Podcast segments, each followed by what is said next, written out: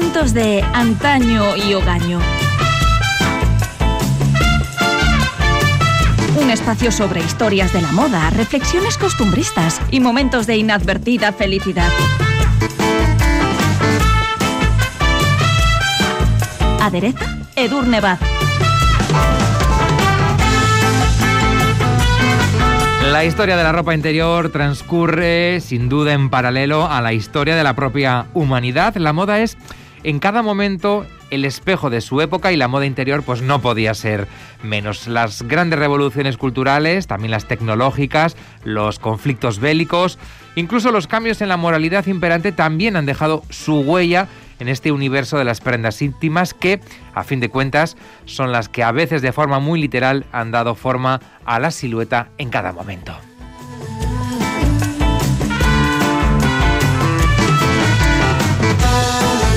Edurne Baz, ¿qué tal? ¿Qué tal? Bien. Bueno, la ropa interior. Hoy vamos a hacer ese pequeño repaso a la historia y a su propia evolución, como bueno, pues numerosos hitos históricos también han eh, dejado su impronta. En la Aquí también, cierto, como cuando hablábamos de los zapatos, al final empezó siendo una forma de responder a la necesidad de abrigo o a cuestiones de higiene personal en este caso, pero pronto trascendió la mera funcionalidad para adentrarse ya en otros terrenos como el del estatus social, el ideal de belleza de cada momento, la moralidad imperante, como decías, y si bien fue diseñada, como su propio nombre indica, para ocultarse bajo las prendas exteriores, con el paso de los años ya fue asomándose progresivamente al exterior, hasta que hoy en día ya vemos que la línea que separa la ropa interior de la considerada ropa de calle está ya desdibujada, ¿no? Alguien es capaz ya de distinguir todo esto, ahora que vamos prácticamente en chándal barra pijama también todo el día, ¿no? Pero bueno, hoy en Asuntos de Antaño y Hogaño vamos a repasar la historia de la ropa interior.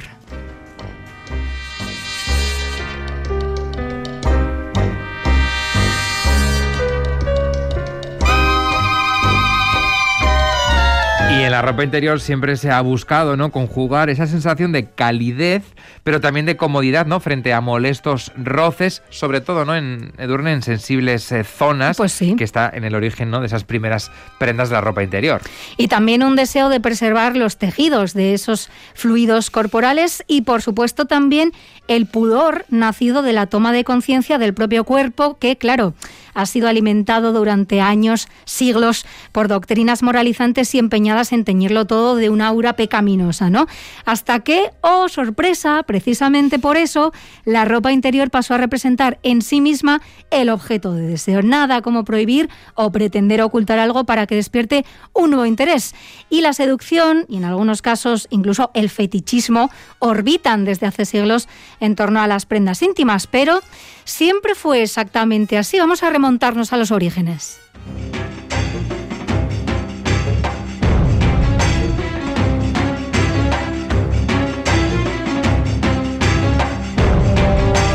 Y hablamos del año 1991, el cuerpo momificado de Ochi, el llamado hombre de hielo, fue hallado en los Alpes.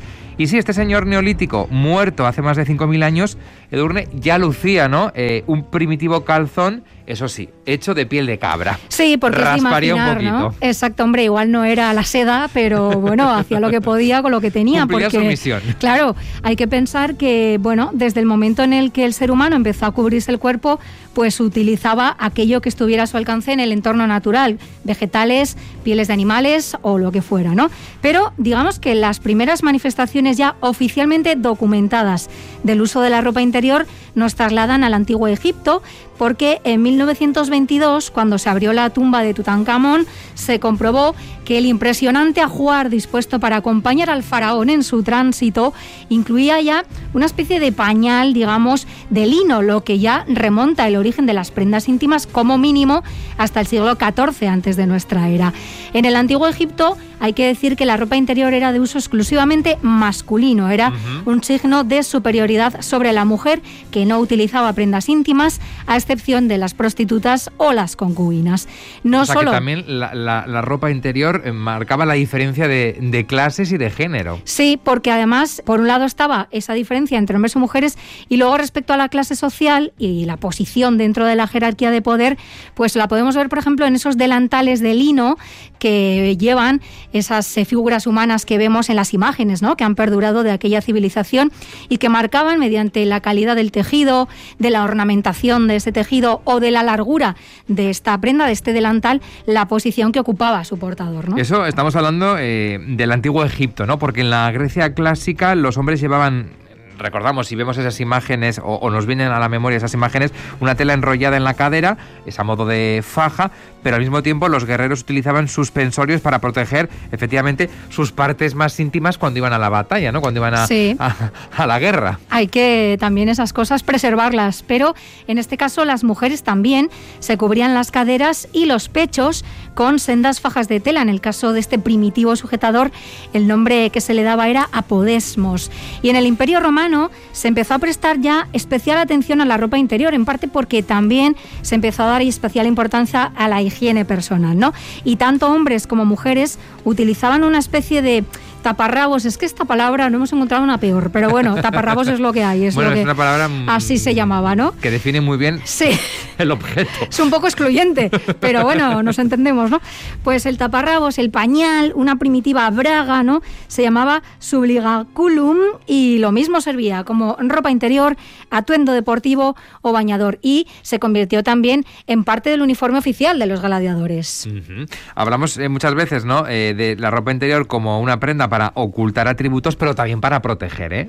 Exactamente. Por ejemplo, en el caso de las mujeres también tenían unas bandas de lino o de cuero para sujetarse los pechos que se llamaban mastodetón y unas túnicas o camisas largas que también acabaron imponiéndose entre los hombres después de mucho tiempo, pues con las togas ahí sin nada debajo, ¿no? Y como siempre, el uso de estas prendas, así como su diseño, su complejidad o los materiales utilizados para su confección, dependían de la clase social a la que pertenecía el portador. Esto ya desde la noche de los tiempos viene siendo así, o sea, marcar la situación de cada uno.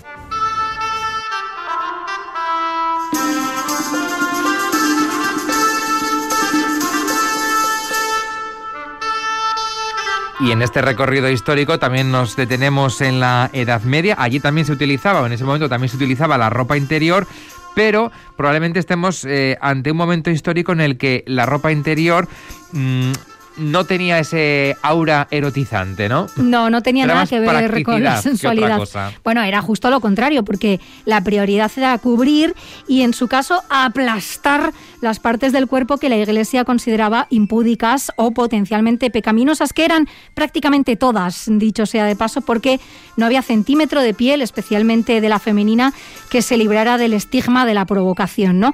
Y curiosamente se dejaron de lado las primitivas formas de braga o calzoncillo en favor de largas camisolas y diversos tipos de calzones o calzas. Un detalle peculiar de este periodo fue que, al tiempo que fueron creciendo las camisolas femeninas y en general el ánimo por cubrir el cuerpo de las mujeres, se fueron reduciendo hasta niveles ridículos las túnicas de los hombres hasta el punto de que en muchos casos dejaban a la vista sus atributos personales por delante y por detrás. ¿Y las autoridades eh, del momento intervinieron para controlar esa práctica o al menos limitarla? Sí, limitarla a la nobleza, que era un poco, digamos, el filtro que se ponía habitualmente, ¿no? Y de nuevo así, la moda pues ofrecía una forma eficaz de dejar clara la posición social o los privilegios, según se entienda, ¿no? Pero hecha la ley hecha la trampa porque quienes querían siquiera simular que pertenecían a un estrato superior pero no tenían permitido lucir esas túnicas tan ridículamente cortas, encontraron la solución en lo que se acabaría conociendo como bragueta de armar, que era una especie de funda de tela cosida en la entrepierna que ya, aprovechando la ocasión, aumentaba visualmente el tamaño real de aquello y el volumen artificial de esta bragueta llegó a alcanzar de nuevo niveles bochornosamente ridículos y encontró en la figura de Enrique VIII su máximo valor. O sea, un fardapaquetes mm, como llamamos ahora, total, ¿no? Pues eso ya en la Edad Media ya existía. Una funda, una mm, sí, vaina ahí que de repente llevaba la atención allí, pero cuidado, igual debajo no había lo que parecía. Pero bueno, vamos a dejar de lado las piezas destinadas a aumentar artificialmente el volumen para hablar de la pieza destinada a reducirlo hasta lo imposible, sí, el endiablado corsé. ¿Va todo bien? Es difícil de decir. Me han dicho que es la última moda en Londres. Pues las mujeres de Londres deben de haber aprendido a no respirar. Siempre que hablamos de corsé, me, eh, me viene a la, a la, memoria la escena, una de las escenas de la película Titanic, cuando la protagonista, hablamos de Kate Winslet, eh, bueno, pues está poniéndose un corsé y su madre cabreada le está echando la bronca y está tira, tirando, tira. y tirando y tirando y tirando y estrechándole todavía claro. mucho más el, el corsé. Basta bueno, ya. esta pieza elevó a la máxima potencia la premisa de sufrir lo indecible con el único fin de presumir, y en este caso, claro, hablamos de, de, de, de presumir de cintura, ¿no? Una cintura diminuta. Sí, ha habido estilizada. diferentes tipos de corsé, pero digamos que lo de la cinturita siempre ha estado ahí. Y aunque hay variantes anteriores, en Occidente se suele situar el origen del corsé en el siglo XVI y desde entonces pues ha ido apareciendo y desapareciendo de la escena en función de las modas y las costumbres de cada momento. Por ejemplo, tras la Revolución Francesa, los aires libertarios empujaron a las mujeres a prescindir de los rígidos corpiños, de las enaguas aparatosas, de las largas camisolas interiores. Se recuperó en aquel momento, digamos, el modelo estético de la Grecia clásica, pero pronto volvió a aparecer en escena el corsé, de cuyas graves consecuencias para la salud hablaremos con más profundidad en futuros capítulos de Asuntos de Antaño y Hogaño. Sí, porque, bueno, llevar un corsé, eh, estamos hablando de que te está oprimiendo, mm, bueno, pues eh, Sí, la caja sí. torácica, eh, no sé El si... desmayo era lo menos Sí, que ¿no? te podía Hasta pasar. dificultades para respirar. Oye, el corpiño lo asociamos siempre a, a la mujer, pero ¿los hombres lo, lo utilizaban? ¿Estaba su uso extendido también entre los hombres? ¿O esto es una locura que se me ocurre ahora? Fundamentalmente femenino, pero hay que decir que también el cuerpo masculino sucumbió voluntariamente a la tortura del corsé, particularmente durante las primeras décadas del siglo XIX. Pero no estaba tan bien visto como en las mujeres y muchos hombres lo llevaban así un poco medio a escondidas porque se consideraba poco masculino, era incluso objeto de mofas. Y ya para darle un aire mucho más masculino y por lo tanto aceptable, acabó reconvertido en una especie de cinturón faja interior que ya llevaban así con todo el orgullo pues militares o deportistas, por ejemplo.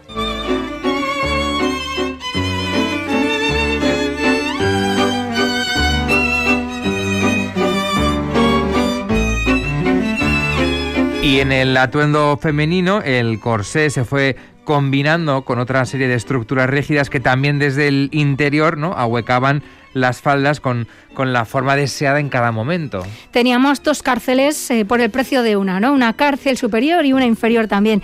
Entre los siglos XVI y XVII, bajo la falda era habitual, por ejemplo, el llamado verdugado, que era un armazón que daba a la falda una forma acampanada, y también eran habituales los llamados rollos, que eran unos rollos precisamente que se ataban en torno a la cintura para dar volumen a las caderas y a la parte trasera. Y que todo esto pesaba. Hombre, claro, aquello era una odisea total para vestirse, ¿no? Porque eh, después de esto eh, la cosa no mejoraba, iba complicándose por momentos. Primero los guardainfantes y después los tontillos de alforjas, que eran una estructura que literalmente colocaba una especie de alforjas en las caderas para conseguir esa figura clásica al más puro estilo menina, ¿no? De Velázquez. Y los había tan exagerados que fueron llamados de codos porque permitían a las mujeres que los llevaban apoyar en ellos los codos como si llevaran una mesa portátil, ¿no? En la Madre propia mía. falda.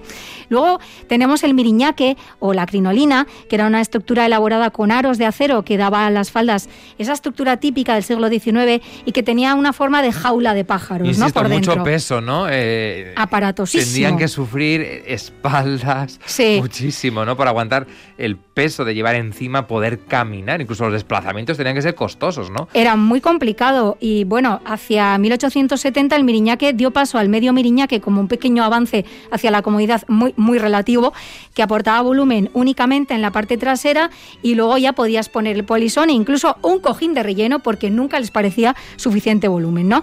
Como imaginaréis, esta edad dorada de la ropa interior convirtió el vestuario femenino en algo muy complicado y laborioso. Es que Una colocarse una prenda tras otra se convirtió en una auténtica odisea, como decíamos, porque llegaron a coincidir en aguas, camisas, corsés, cubrecorsés, pantalones bombacho, medias y luego bien de volantes, lazos, cintas, varillas, ganchos, lo que hiciera falta para conseguir la silueta que se buscaba, ¿no? Así que una dama de clase alta necesitaba una doncella que le ayudara a vestirse y a abrocharse el corsé, como decíamos, y a todo, ¿no? Prácticamente andar por la calle. Y como efecto paralelo, pero no casual, las crinolinas eh, conseguían una distancia social muy del gusto de la COVID y también muy del gusto de la moral de la época, porque, bueno, la circunferencia que dibujaba esta falda alrededor de la mujer, que llegó a rondar los 10 metros. Te creaba una distancia de seguridad. Claro, ¿eh? metro y medio garantizado, ¿no? Solamente con la ropa ya hay distancia de seguridad más que suficiente. En aquel momento preocupaban las infecciones también, pero preocupaba sobre todo el roce indecoroso. Así que en este caso, con la crinolina ahí bien extendida, no había tanto riesgo.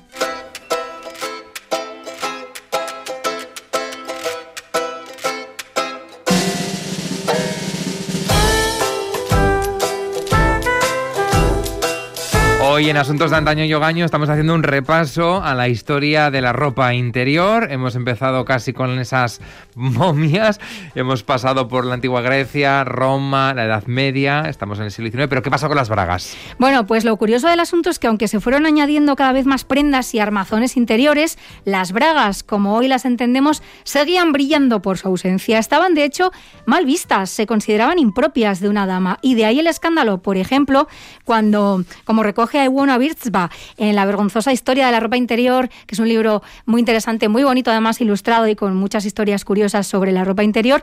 Cuando Catalina de Medici, un buen día de 1540, se subió a horcajadas a lomos de su caballo, revelando con esta postura que era inusual entre las amazonas del momento, que solían ir sentadas de lado, pues ella se montó así a horcajadas y entonces se vio que llevaba calzones. ¡Horror! Escándalo máximo. Pero, como era Catalina de Medici, pues todo el mundo a callar. Pero hay que decir que el pantalón en todas sus variantes, incluido ese calzón, es una prenda con una historia de carácter político muy interesante que también vamos a abordar en próximos capítulos. Pero, en efecto, aunque hubo puntuales conatos, el uso del calzón no terminaba de cuajar entre las mujeres. A principios del siglo XX todavía se consideraba que la ropa interior era algo indecente, como lo era en general la propia desnudez, ¿no? Y es que la sombra del puritanismo y de la era victoriana era muy alargada. Y a pesar de ello, la segunda revolución industrial propició no solo que la ropa interior fuera más fácil de producir de forma masiva, sino que el hallazgo de nuevos materiales la hizo también más asequible.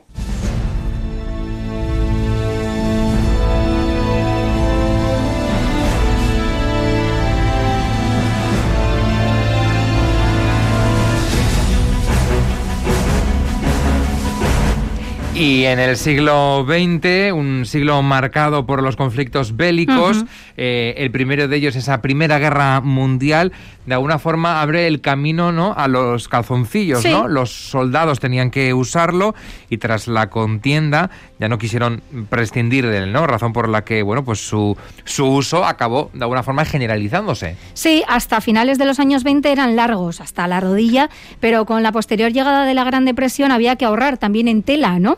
Y por esta razón ya vio la luz el primer slip, como hoy lo conocemos, a mediados de los años los 30. Jones, los Jones, que son los calzoncillos de pata larga eh, al cada slip, están más ajustados al turbo. al slip, al turbo. Pero también fue por aquel entonces cuando las mujeres empezaron a utilizar bragas, todavía no al estilo contemporáneo, sino en forma de pantalón corto. Y si bien en 1914 Mary Phelps ya había dado forma al primer sujetador moderno, fue popularizado en 1930, cuando ya se impuso el modelo que en lugar de oprimir los pechos, los realzaba y los separaba. Y su popularidad ya se disparó cuando en 1940 una explosiva Jane Russell lo lució en la película El forajido. Y la ropa interior ya iba encontrando por fin un poco su sitio, ¿no? Y en la Segunda Guerra Mundial, ¿qué, qué ocurrió con la ropa interior? ¿También inspiró indirecta o directamente a esa, a esa moda? Sí, a- por ejemplo, a comienzos de los años 40 se habían puesto de moda las medias con costura visible en la parte trasera, recordemos esa línea ¿no? en las piernas, pero la austeridad impuesta por la guerra y por la posguerra convirtió las medias en un objeto de culto y un producto muy valioso de extraperlo, también hay que decirlo. Y una solución ingeniosa fue la de pintarse la raya sobre la propia pierna con el fin de simular que se llevaban medias, ¿no? O también la de teñirse las piernas con productos como el té o la chicoria. Ya sería Aida Rosenthal quien patentara el sujetador con las copas puntiagudas que tan de moda estuvo durante los 50 y quien introdujo el tallaje moderno, ¿no? En los sujetadores las copas y demás. Y del mismo modo, después de la contienda, las camisetas interiores masculinas dejaron de considerarse una extensión de los calzoncillos y se pusieron de moda como prenda exterior por la influencia que había habían ejercido las utilizadas por los soldados del ejército americano, que eran un poco también influencers en aquel momento, ¿no?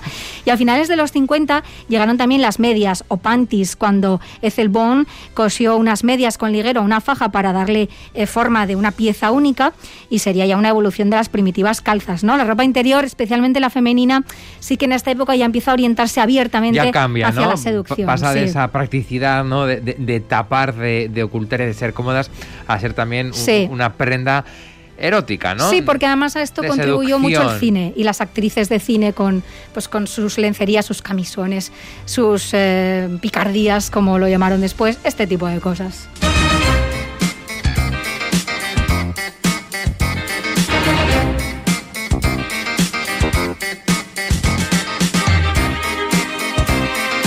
Y llegamos así a la década de los 60, momento hippie, y llegan las primeras ansias ¿no? de liberación, con ellas las prendas sueltas pero no hablamos solamente de las exteriores, sino también de las interiores, ¿no? Exactamente, y ya en los años 70 la segunda ola del feminismo reivindica la liberación de las mujeres, incluyendo las servidumbres asociadas al concepto tradicional de feminidad que tanto se había exaltado durante los 50, ¿no?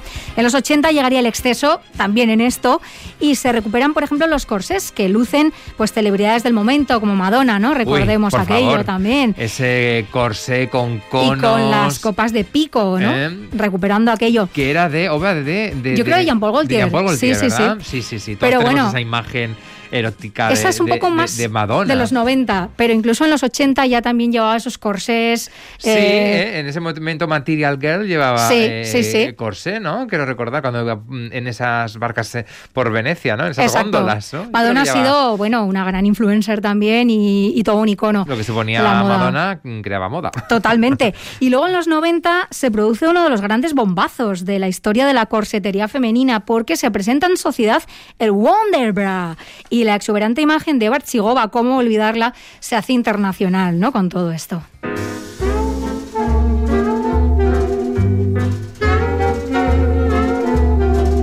El Wonderbra, madre mía, la de anuncios que vimos, lo que se escribió sobre el Wonderbra, en fin. Fue todo una, revolución absoluta. un acontecimiento. Bueno, podríamos decir que en la ropa interior actual eh, conviven dos corrientes, ¿no? La más exquisita y caprichosa y luego la puramente funcional, ¿no? Sí, ahora tenemos ya pues un mix de todo lo anterior. Aquí no, se lo piensa, yo busco que sea práctico, que sea cómodo. Y gente que va pues al máximo diseño, a la máxima extravagancia. Eso se nota, si estás emparejado o eres soltero, pues ya la ropa interior va decayendo, ¿no? de cómo cuidas tu ropa interior, ya no tienes gomas sueltas, ¿eh? Bueno, pues también podemos afirmar que los límites entre la ropa interior y la ropa de calle, como decíamos antes, se han desdibujado ya por completo y que tiene ya un lugar propio en el armario, pues como cualquier otra prenda o cualquier otro complemento de moda, ¿no? Y no solo eso, el diseño de estas prendas es más técnico que nunca y tenemos ropa interior para todo tipo de situaciones o necesidades para aumentar, para reducir, para la práctica deportiva, de tejido ignífugo, específica para astronautas o para soldados, para la lactancia o para el periodo, sin costuras para que no se me marque nada. Bueno, tenemos todo tipo de opciones, ¿no? Además, por supuesto, la opción también de prescindir de la ropa interior, ¿no? De ir, como se suele decir, en plan comando. Y al tiempo, después de repasar toda esta historia de la ropa interior, hay que pensar que en la actualidad tribus nativas de lugares en los que el benigno clima no obliga a la necesidad de abrigo siguen optando todavía por variaciones diferentes en función de cada cultura o grupo social de aquel primitivo taparrabos también. Ahora que ha evolucionado muchísimo la, ropa interior, decías, ¿no? Ahora cómo se, se han desdibujado ¿no? esos límites entre ropa interior y, ropa de calle. Lo vemos mucho, por ejemplo, eh, eh, en tops de, de algunas mujeres, ¿no? Bueno, eh, lencería a la vista. Lencería a, la vista. Eh, algo espantosísimo con los calzoncillos cuando vemos a numerosos eh, chavales en las piscinas, en las playas, con la ropa interior y además el bañador. Sí, eh, y suele ser evidente, por cierto, que es un calzoncillo, pero bueno, dicho eso, haya cada cual con lo suyo.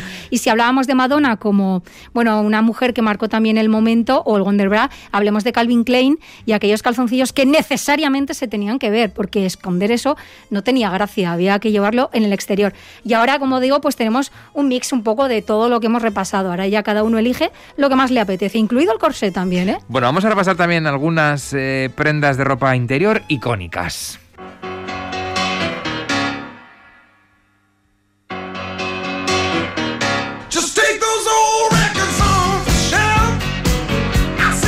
Y empezamos con ese calzón largo. Sí, por el Union Suite o calzón largo de una pieza que en origen estaba pensado para hombres, mujeres y niños, pero que todos recordamos como el pijama oficial de los vaqueros del salvaje oeste, con esa tapa en la parte trasera funcional, ¿no? Para facilitar pues la visita al excusado. También la camiseta interior de tirantes, Uy, estilo abanderado. Ya hemos abandonado absolutamente la camiseta interior de tirantes. Bueno, en perdona. general las camisetas interiores. Mi hermano la sigue utilizando porque coge un frío en la tripa al hombre. Entonces, bueno, pues por dentro suele llevarlas también. Pero claro, aquí tenemos una versión horror que sería, mm, digamos, la de Torrente, esa camiseta interior sucia con lamparones. Pero cuidado, tenemos una imagen mucho más icónica y mucho más agradable que sería Marlon Brando en un tranvía llamado Deseo o Paul Newman en El Golpe. ¿Dónde va a parar? Claro.